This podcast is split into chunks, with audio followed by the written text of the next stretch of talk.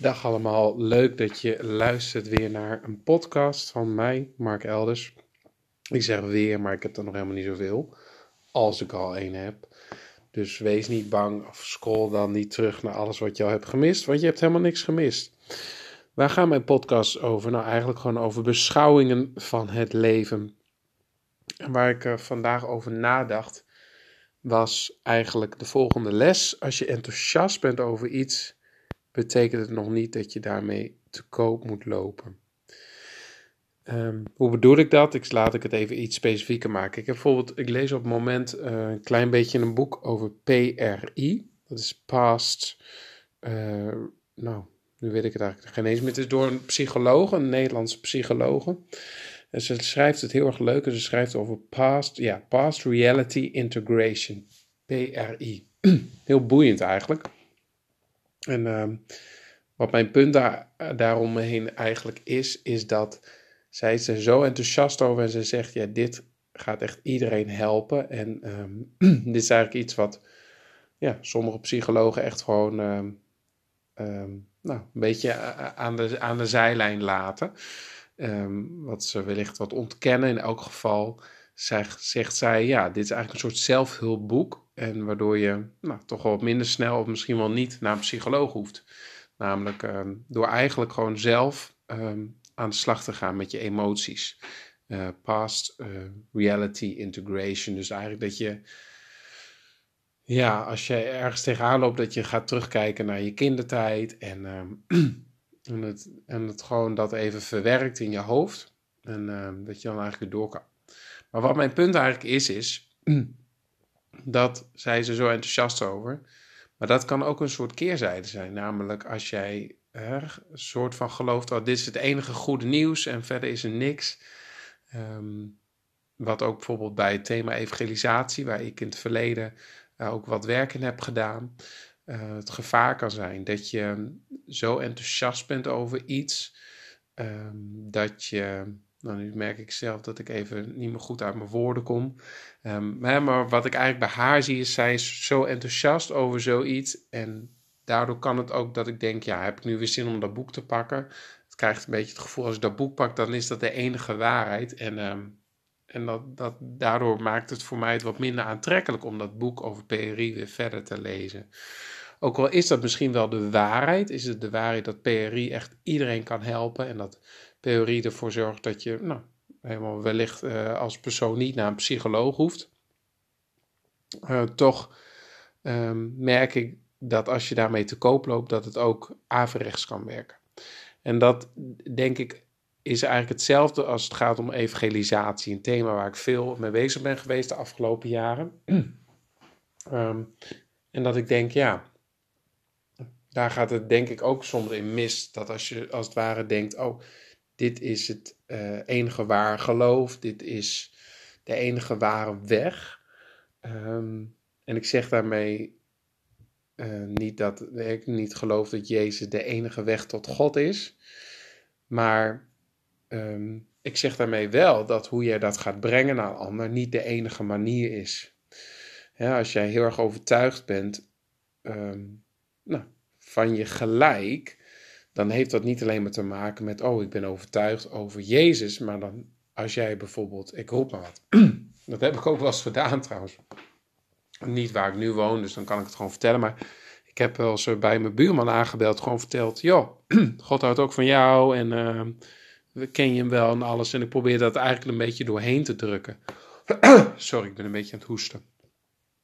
Probeer dat hem, uh, geen corona hoor, wees niet bang. Je krijgt geen besmetting door deze podcast.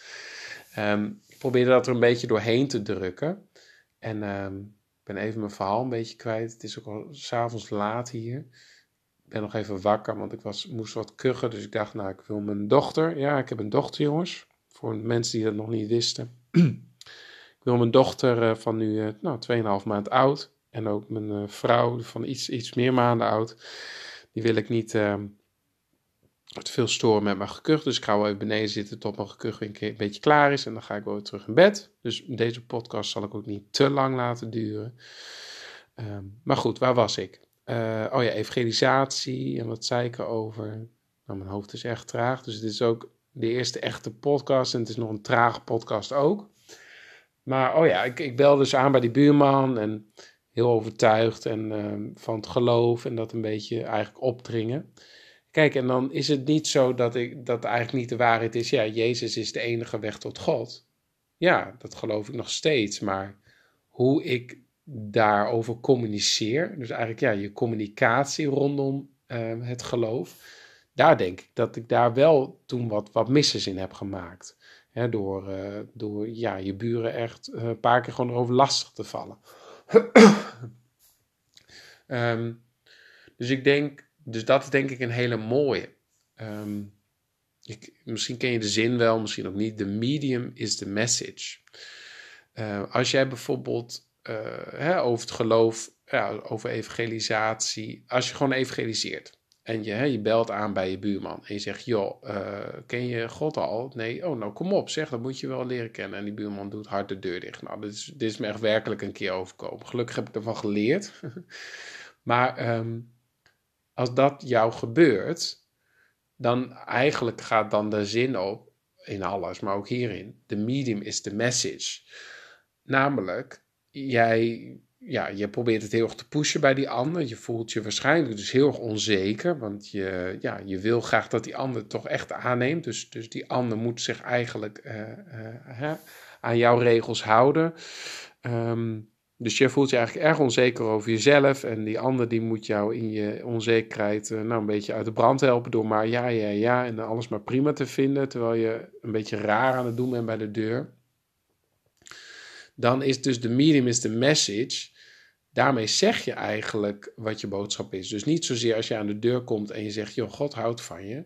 Dan is dat niet je boodschap wat overkomt. Nee, wat jouw boodschap, wat overkomt is: hé, hey, de buurman belt bij mij aan, meerdere keren. Uh, dat is best irritant. Uh, de buurman heeft volgens mij een probleem, die zit ergens mee, die heeft een of andere moeite. dat is dan de boodschap die overkomt. Ook al wil je dat niet, ook al bedoel je dat niet, ook al zeg je dat niet, dat is wel je boodschap, want dat is het, het medium. Jij bent het medium en in dit geval doe je het op een bepaalde manier en dat is dan ook uh, hoe de boodschap over zou komen. dus als je een andere boodschap wil. Kijk, eigenlijk is dat gewoon de vraag van... hey, wat is mijn boodschap? Als bijvoorbeeld mijn boodschap is... Eh, God houdt van mijn buurman. Oké, nou... Hoe kan je dat laten zien aan je buurman? Dan kan je het hebben over uh, bijvoorbeeld de liefdestalen, de vijf liefdestalen. Je kent ze misschien wel, misschien ook niet. Maar bijvoorbeeld een taal is complimenten. Nou, als je merkt van, hé, hey, mijn buurman vindt dat eigenlijk heel prettig. Nou, dan moet ik misschien eens zeggen, joh, wat, wat een fijne voortuin heb je natuurlijk, moet je het wel menen. of je hebt het over zijn achtertuin als die er wat beter uitziet. En, ehm, en zo heb je dan eigenlijk de boodschap van, hey, van God houdt van je, vertaal je dan daarin. En wie weet dat je op een gegeven moment ook kan zeggen, ja, en dat, hoeft, dat, dat klinkt misschien in het begin een beetje gek, maar op een gegeven moment zou je misschien, past het misschien om te zeggen, ja, God houdt ook van tuinen. Uh, of kan je, nou weet ik veel, een verhaal uit de Bijbel over de tuin. Hè, waar Adam Eva die zaten in een tuin.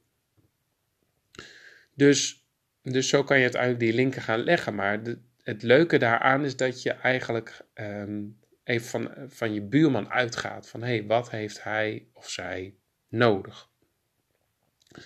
Dus, en natuurlijk denk je ook aan je eigen boodschap. Je denkt aan hey, wat wil ik vertellen? Nou, oh, ik wil iets zeggen van, nou, God houdt van hem of haar. Maar dan hoeft dat, dat niet gelijk letterlijk gezegd te worden, maar meer kijken van, hé, hey, wat, wat werkt? Wat werkt bij mijn buurman? Nou, het talen van de liefde, daarin kan je nadenken van, uh, een andere taal is uh, tijd samen. Hè? Misschien vindt je buurman het gewoon prettig om, uh, weet ik veel, met jou zo'n wandeling te maken samen met je dochter. Vindt hij dat heel erg gezellig? Of gewoon een, leuk praatje maken, houdt hij daarvan? Nou, misschien ook wel niet. Hè? Misschien werkt het ook averechts en heeft je buurman druk genoeg, maar vindt hij het wel prettig dat je, uh, weet ik veel, um, uh, zijn auto ook even een klein, klein, klein wasbeurtje meegeeft. Ja, dan moet je wel vanzelf van houden. Maar dat is dus weer de taal van dienen. Maar dat is denk ik het mooie, dat je dus mag aansluiten op de ander. En um, ja, natuurlijk is dat een soort zoeken en Um, ja, kan je dan, hè, wat ik bij mezelf dan nu ook merk, is dat ik dan ga denken, ja, maar de buurman die, uh, Ja, die moet toch wel horen over God en over de liefde van God. Ja, dat moet hij zeker. En dat staat gewoon vast. Dat is een waarheid. Um, daar moet hij zeker van horen. Het is zeker belangrijk. Maar dat betekent nog niet dat jij dat gelijk morgen moet doen op een bepaalde manier. Want dat zijn allemaal toevoegingen. Um, ja, misschien moet het wel via iemand anders. Misschien ook wel via jou. Maar misschien hoeft het wel helemaal niet via woorden en misschien ook wel. Maar ik denk dat waar ik in elk geval echt wel aardig in geloof, soms nog zoeken, want ja, evangelisatie is ergens een, een, een soort flexibel iets. En hey, hoe zit dat nou precies in elkaar? Maar ik denk dat het moeten er echt een beetje af mag. Ik denk dat we als christen juist zo vaak met evangelisatie. Um, um, even denken hoor, nu moet ik mijn hoofd weer even scherp houden, want het is al laat.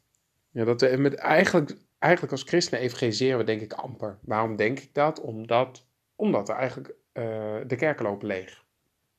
er zijn minder christenen dan, uh, dan jaren terug, ook zeker onder de jonge generatie. Ik zeg niet gelijk dat dat een ramp is of wat dan ook, um, maar het is wel een feit. En ik denk dat het dus misgaat met evangelisatie. Want het hele idee van evangelisatie is dat je als christen uh, contact maakt met niet-christenen over het geloof. Nou, als er niet meer christenen bij komen, maar als er juist christenen afgaan, dan gaat het daar dus mis. Dat moet. Um, want er komen niet meer bij. Ja, als, als, als, je als Coca-Cola geen reclame meer maakt, um, uh, ja, dan gaan minder mensen het drinken.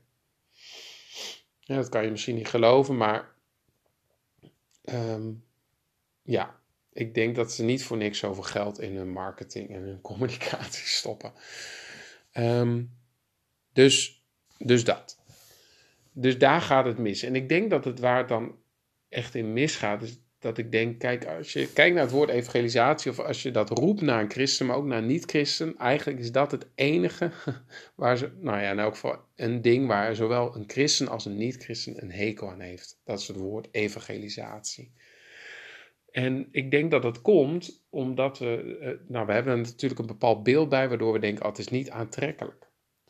En daar zit, denk ik, heel veel moeten in. Uh, we denken dat het op een bepaalde manier moet. Hè? Dat ik naar mijn buurman moet stappen, dat ik iets moet zeggen en dat ik bepaalde zinnen moet zeggen. Er zit heel veel moeten aan en heel veel, nou, waarvan we ook vaak merken dat het niet werkt, dat de buurman misschien wel boos wordt, wat dan ook. En die ervaringen hebben we wellicht allemaal. Nou, nou ik denk dat er genoeg christenen die, die slechte ervaring met evangelisatie hebben, waardoor ze denken, oh, evangelisatie laat maar, niet aan mij besteed. Maar ik vind het ergens heel erg jammer, want ik denk dat evangelisatie juist iets heel erg moois kan zijn. Dat het een kans is uh, voor mensen om God te leren kennen. En dat het ook een kans is voor christenen om contact te maken. Ook met uh, mensen buiten uh, de christelijke wereld.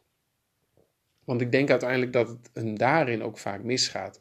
Het grappige is dat er zijn veel onderzoeken gedaan waar het is gebleken dat mensen vooral tot geloof komen door relatie. Door relatie met een christen. Hè, dus niet zozeer door, weet ik veel, door zelf de Bijbel te pakken of door een of andere droom. Uh, geen droom, maar een droom. Of door, eh, weet ik veel, een of ander wonder of iets. Nee, het grootste deel van mensen uh, komt tot geloof door een relatie, door contact. Um, hè, dus niet per se een liefdesrelatie, kan ook wellicht. Maar uh, ja, een vriendschap, een relatie met een christen. Um, en ik denk dat, het, dus dat is eigenlijk de kracht. Daar zit de kracht in, in de relatie met een, met een christen. En nou, ik denk dat ik nu een beetje richting de slot ga. We zitten ook al bijna op de 15 minuten, 14 minuten precies. Dat is ook wel bijzonder, hè? Maar ik moet nu natuurlijk nog even goed afronden. Maar dus daar zit hem de kracht in, in de relatie um, tussen een niet-christen en de christen. En als je kijkt naar relatie, is eigenlijk een stukje relaxheid daarin zo uh, van levensbelang. Hè? Als jij iets moet, dan werkt een relatie eigenlijk niet. Werkt een vriendschap niet. Een vriendschap is ergens ook een stukje ja, ontspanning. Natuurlijk kunnen er, weet ik veel, afspraken zijn. Of hey, we willen elkaar regelmatig zien of dit of dat. Maar er moet een stukje flexibiliteit zijn. En dat heeft denk ik evangelisatie ook nodig. Niet een soort moeten van, oh je moet het op deze manier zeggen. Je moet het überhaupt altijd zeggen. En het moet zo, zo, zo zijn. Um, Nee, ik denk dat evangelisatie, dat we dat nieuw leven mogen inblazen. Dat het woord een nieuwe klank mag krijgen. En dat jij ook nu als luisteraar of luisterares, kan, kan ik dat zo zeggen, ehm, of, of uh, misschien een derde gender, um, nou, hen volgens mij moet je dan zeggen, dat jij als persoon, nou, dat werkt denk ik wel, persones, nee, dat jij als persoon um, daarin gewoon je, je invulling mag gaan geven. En ik ben benieuwd, ik ben benieuwd naar, ja, hoe jouw evangelisatie zich vorm zal geven. Um, dankjewel voor het luisteren.